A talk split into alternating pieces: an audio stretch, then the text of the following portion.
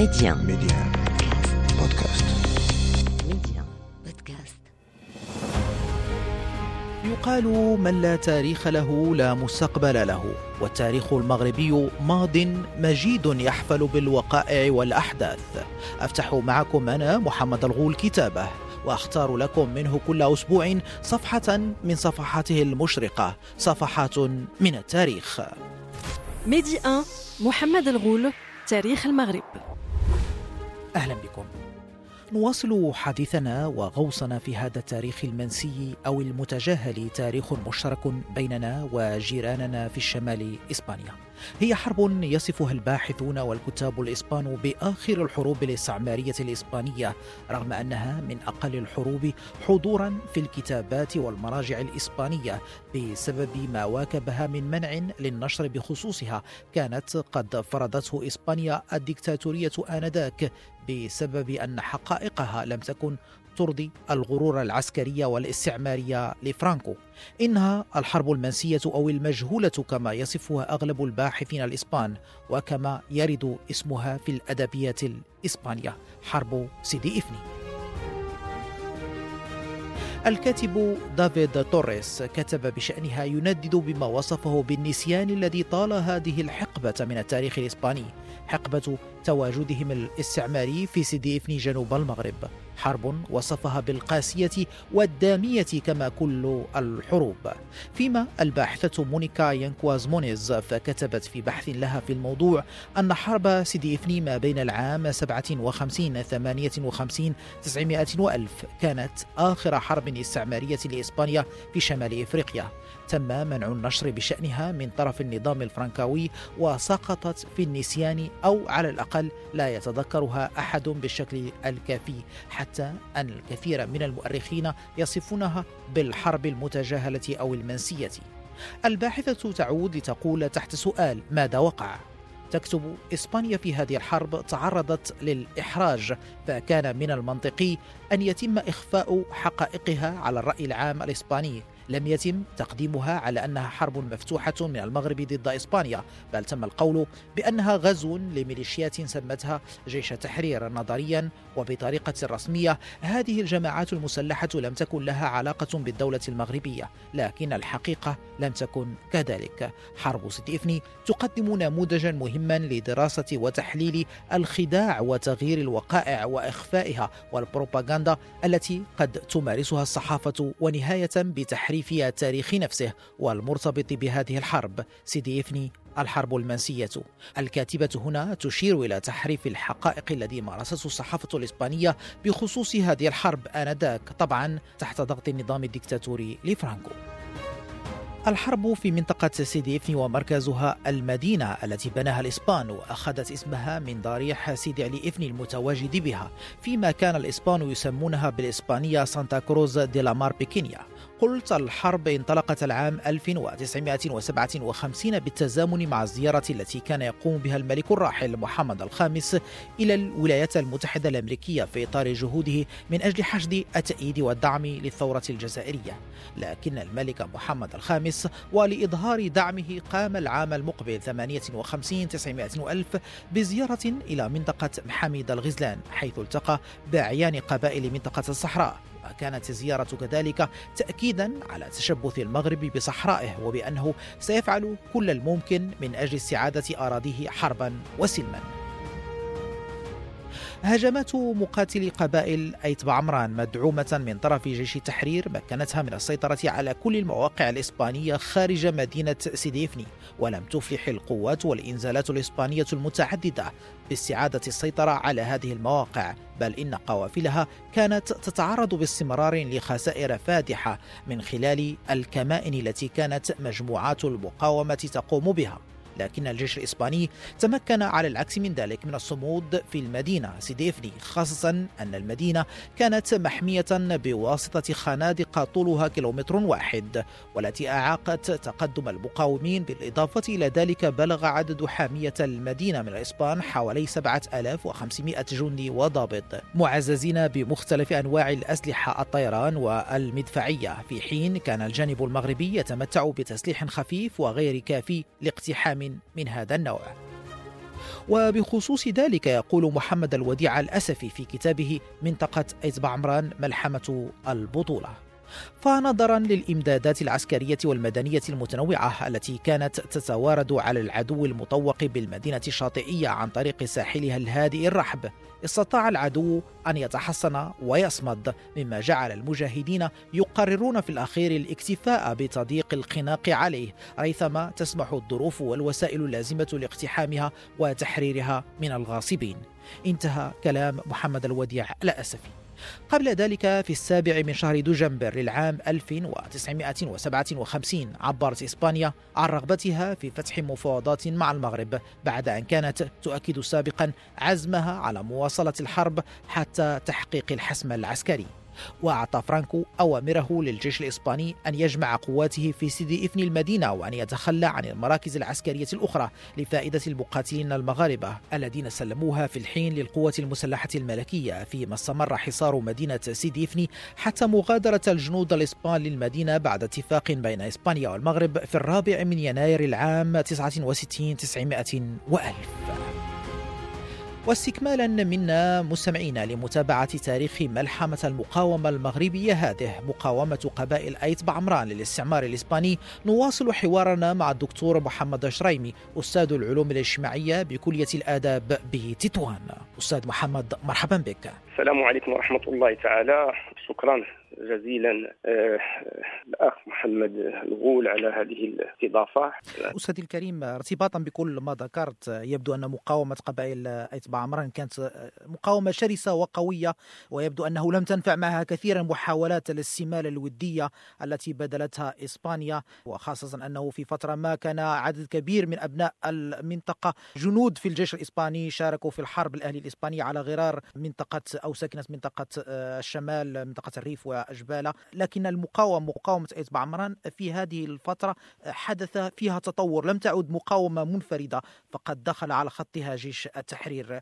من هنا هل يمكن أن نقول بأنه وأن هذا المقاومة تقوت مباشرة بعد تحرير طرفايا؟ هل يمكن أن نقول أن ما حدث في منطقة سيديفني كان يمكن أن نعتبره يدخل في إطار تطور ممنهج تدريجي للمجهود المقاومة المغربية حتى تحرير كامل الجنوب. الجنوب المغربي طبعا هناك ترابط فيما بين المقاومة الوطنية يعني والمقاومة المحلية لمنطقة سيدي إفني أي عمران كما قلنا هناك مجموعة من التداعيات لهذه الاستفزازات التي كانت تقوم بها السلطات الإسبانية في المنطقة. استفزاز السكان ما قلنا في عقيدتهم في لغتهم في انتمائهم للوطن في رموزهم إلى غير ذلك. طبعا آه، كما قلت كذلك أن السلطات الإسبانية قد جندت كما جندت يعني في الشمال جندت آه، آه، أبناء من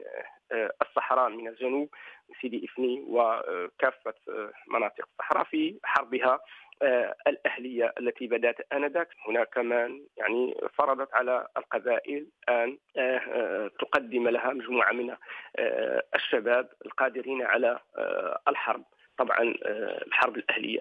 كانت فعلا أبناء هذه المناطق. كان لهم دور كبير واستطاعوا أن أن تميل الكفة لصالح طبعا الفرنكويين آنذاك عندما انتهت هذه الحرب.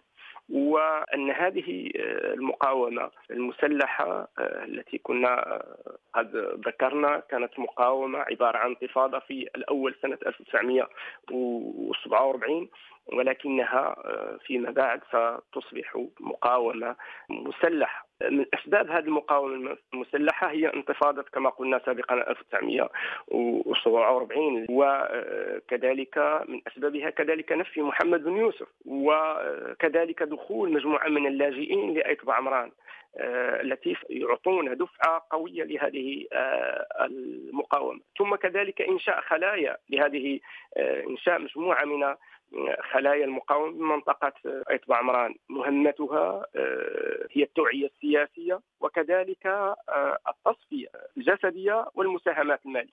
ومن ثم آه، سيتم طبعا البحث عن مؤهلين لحمل السلاح وعن مجموعات قادرة على إيصال السلاح وكذلك تعيين مراكز لإخفاء السلاح. إذا هنا ستدخل هذه المقاومة يعني منعطفا جديدا نظرا للتطورات المتسارعة التي أصبحت تعرف هذه المنطقة. ولكن في ظل هذه الأوضاع قامت إسبانيا يعني الأوضاع المشحونة قامت إسبانيا بفرض ضريبة على أهم الموارد الاستهلاكية في كل من إفني والصحراء. وزاد ذلك من تقوية هذه المعارضة وهذه المقاومة للسياسه الاسبانيه ولكن لما حصل المغرب على استقلاله سنة 1956 وحصل الطرفايه كذلك على استقلالها سنة 1958 زاد ذلك من حماس البعمرانيين على العمل المسلح ومقاومة طبعا ومقاومة الإسبان ومن ثم سيعتبر تاريخ 23 نوفمبر 1957 طبعا تاريخا حاسما. في هذه يعني في هذه المقاومة. أستاذي الكريم الوثائق المتوفرة عن هذه المرحلة رغم قلتها وأغلبها إسبانية تتحدث عن خسائر كبيرة لإسبان في أرواح الجنود وكذا العتاد وربما الإسبان لا زالوا يتذكرون هذه الحرب على أنها كانت قاسية جدا عليهم حتى أنهم يسمونها لا أو البضاده ويحملون المسؤولية للمركز مدريد بأنهم نسوا الجنود الاسبان في هذه في هذا الموقع رغم أنه كان هناك جسر آه، بحري آه، مباشر ما بين سيدي إفني التي تحولت إلى مدينة كبيرة بمطار كذلك. آه، كان هناك جسر يمد المنطقة بالعتاد والجنود مباشرة من أرخبيل جزر الكناري. لكن مع ذلك كانت هناك شراسة في المقاومة لدى القبائل البعمرانية وكلفت الجيش الإسباني خسائر فادحة. ما هي الاستراتيجية التي اعتمدتها المقاومه في هذه المنطقة لتحقيق هذه النجاحات رغم ضعف إمكانياتها مقارنة آه، بالإسبان آه، أستاذ الكريم؟ إذا قلنا آه، طبعا هي حرب كانت فادحة وألحقت خسائر كبيرة جدا بالجيش الإسباني. وأن هذه المقاومة تم الإعداد لها. اولا أن هناك دعم من قبل جيش التحرير. ودخول حزب الاستقلال كذلك للتوعية السياسية داخل هذه المنطقة. ولكن إذا هذا من بين التغيرات الخارجية التي أثرت على المنطقة وعلى سكانها وتغيرات داخلية أن هناك إحساس واندفاع وشعور داخلي لدى البعمرانيين للبحث عن الخلاص من هذا يعني المستعمر الذي أصبح يقود مضجعه انطلاقا من مجموعة من التصرفات والسلوكات والقرارات السياسية التي كان آه، يتخذها رغم أنه كان آه، له سياسات أحيانا متباينة. هناك آه، سياسة كما يقال عصا والجزر أي هناك من من يعني المقاومين أو من السكان أو إلى غير ذلك أو من المعارضين هناك من كان من يسجنه أو غير ذلك أو الأشياء الأخرى التي تحاول أن تحد من معارضته.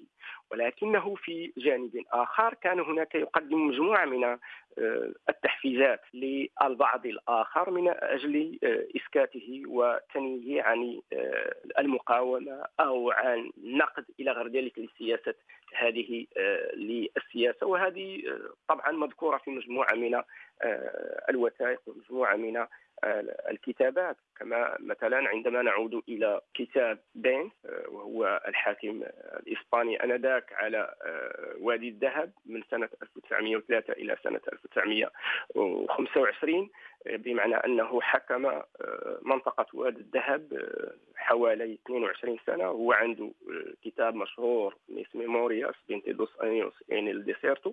يقول فيها بانه هناك طوع البعض من الناس بقالب من السكر يعني أنه لأن هذه المادة هي مادة نادرة و يحتاجها الناس إلى غير ذلك ويحاول أن بدل السلاح وبدل يعني يسجن وبدل أن يقتل إلى غير ذلك هناك سياسة التحفيز حتى يستميل الناس ويحاول أن ينفذ ويطبق سياسته. ولكن كما قلت أن المقاومة قد اشتعلت ازدادت قوة وازدادت يعني ازداد الناس استيعابا للبحث عن الحرية وخاصة منذ تاريخ 23 نوفمبر 1957 وهي الانطلاقة الفعلية لعمليات جيش التحرير باسم عمران التي كتب عنها الكثير وهي مجموعة حتى كتبت عنها حتى مجموعة من الوثائق الشخصية رغم قلتها. وفي هذا اليوم اتفقت هذه القبائل على الهجوم على المراكز العسكرية. وهذه المراكز هي موجودة كما قلت في مراكز القبائل أي بمراكز آه، الأسواق الأسبوعية في يوم واحد على الساعة السادسة صباحا. أن السلطات الإسبانية لم تكن تعلم رغم أجهزتها ورغم مخابراتها إلى غير ذلك بهذا الاتفاق حول آه، الهجوم على هذه المراكز. وفعلا في هذا اليوم كانت تسيطر على أهم المراكز العسكرية. آه، معسكر الأول هو معسكر ثلاثاء صبويا أي آه، هو آه، مركز قبيلة ثلاثاء صبويا المركز الثاني هو مركز تيرزا في ايت بوكر ومركز تيليوين كذلك بوادنون ومركز أملو بايت الخمس ومركز كذلك تابلكوك ومركز أفاند عيسى. اذا هذو كاملة كلها مراكز تم سيطرتها عليها, في يوم واحد رغم شساعه المنطقة البعمرانية ويتم طرح سؤال كيفية الكيفية التي تم بها التواصل والكيفية التي تم بها التنسيق بين هذه يعني القيادات وهذه الزعامات في جيش التحرير والمقاومة من التحرير للسيطرة على هذه آه، المراكز في يوم واحد وعلى ساعة واحدة إلى غير ذلك. آه، بالطبع آه، في هذا اليوم سقطت هذه المراكز في أيدي المقاومة وجيش التحرير وعندها تراجعت القوات الإسبانية وتحصنت بسيدي إفني بعدما انهزمت في مجموعة من المعارك خاصة منها معركة أسدر بصبوية ومعركة كذلك بوشبورطة ومعركة العرقوب ومعركة الرقنت بقبيلة ايتي خلف ومعركة كذلك تابلكوك. مثلا عندما نعطي مثالا بمعركة واحدة وهي معركة أصدر أصدر هو جبل يعني متواجد بقبيلة صبوية بالقرب حوالي يعني يبعد حوالي عن المركز الذي كانت هو مركز السلطات الإسبانية بحوالي كيلومترين. في هذا عندما آه، يعني سقط هذا المركز مركز سويا حاولت السلطات الإسبانية أن آه، تقدم له العون آه، من سيدي افني وتبعث بفيلق لانقاذ هؤلاء المتواجدين الإسبان الجنود الإسبان المتواجدين في هذا المركز. ولكن في الطريق تعرضت سبيلهم يعني قوات المقاومة من جيش التحرير وحاولوا حاول هؤلاء الإسبان أن يحتموا بجبل. وهذا الجبل هو جبل اصدر وبقوا تم لمدة حوالي 11 يوما وكانت الطائرات تقدم لهم المعونة من آه، أعلى ولكنها آه، لشدة الرياح آه، آنذاك. كانت هذه يعني المواد الغذائية أو المؤونة كانت لا تصيب هدفها ولكن يعني تسقط بعيدا عن هؤلاء الإسبان وتسقط بين أيدي المقاومة. وبقي هؤلاء الإسبان آنذاك. يتغدون على أشجار التين الشوكي. في هذه هم محصنون في يعني الاجراف أو الحجارة. أو الصخور المتواجدة في هذه في هذا الجبل إلى أن أتت قوات كبيرة يعني من سيدي افني وسلكت مسالك كبيرة في هذه المنطقة في قبيلة صبويا ولكنها في طريقها إلى تحرير هؤلاء آه، الإسبان آه، كانت تقتل كل من وجدت أمامها من السكان وتحرق كذلك المناحل لأن المناحل كانت من بين الدعامات الأساسية للاقتصاد المحلي في هذه المنطقة. الدكتور محمد شريمي أستاذ العلوم الاجتماعية بكلية الآداب بتطوان جزيل الشكر لك على كل هذه المعلومات القيمة. مرحبا العفو شكرا. جزيل الشكر لكم مستمعينا على الاهتمام وأذكركم أنه يمكنكم إعادة الاستماع لكل أعداد تاريخ المغرب عبر تحميل تطبيق ميدي ان بودكاست. إلى اللقاء. ميدي 1 محمد الغول تاريخ المغرب.